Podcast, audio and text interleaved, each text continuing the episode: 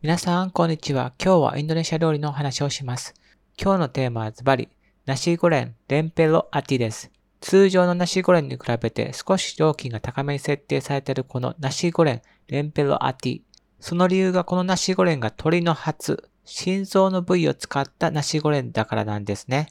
私は正直、鳥発とナシゴレンはあまり合わないと思っているので、あえてチョイスすることはあまりありませんが、鳥発単体は大好きです。皆さんはどんなナシゴレンが大好きですか？ご感想お聞かせください。ご視聴ありがとうございます。それではまた明日。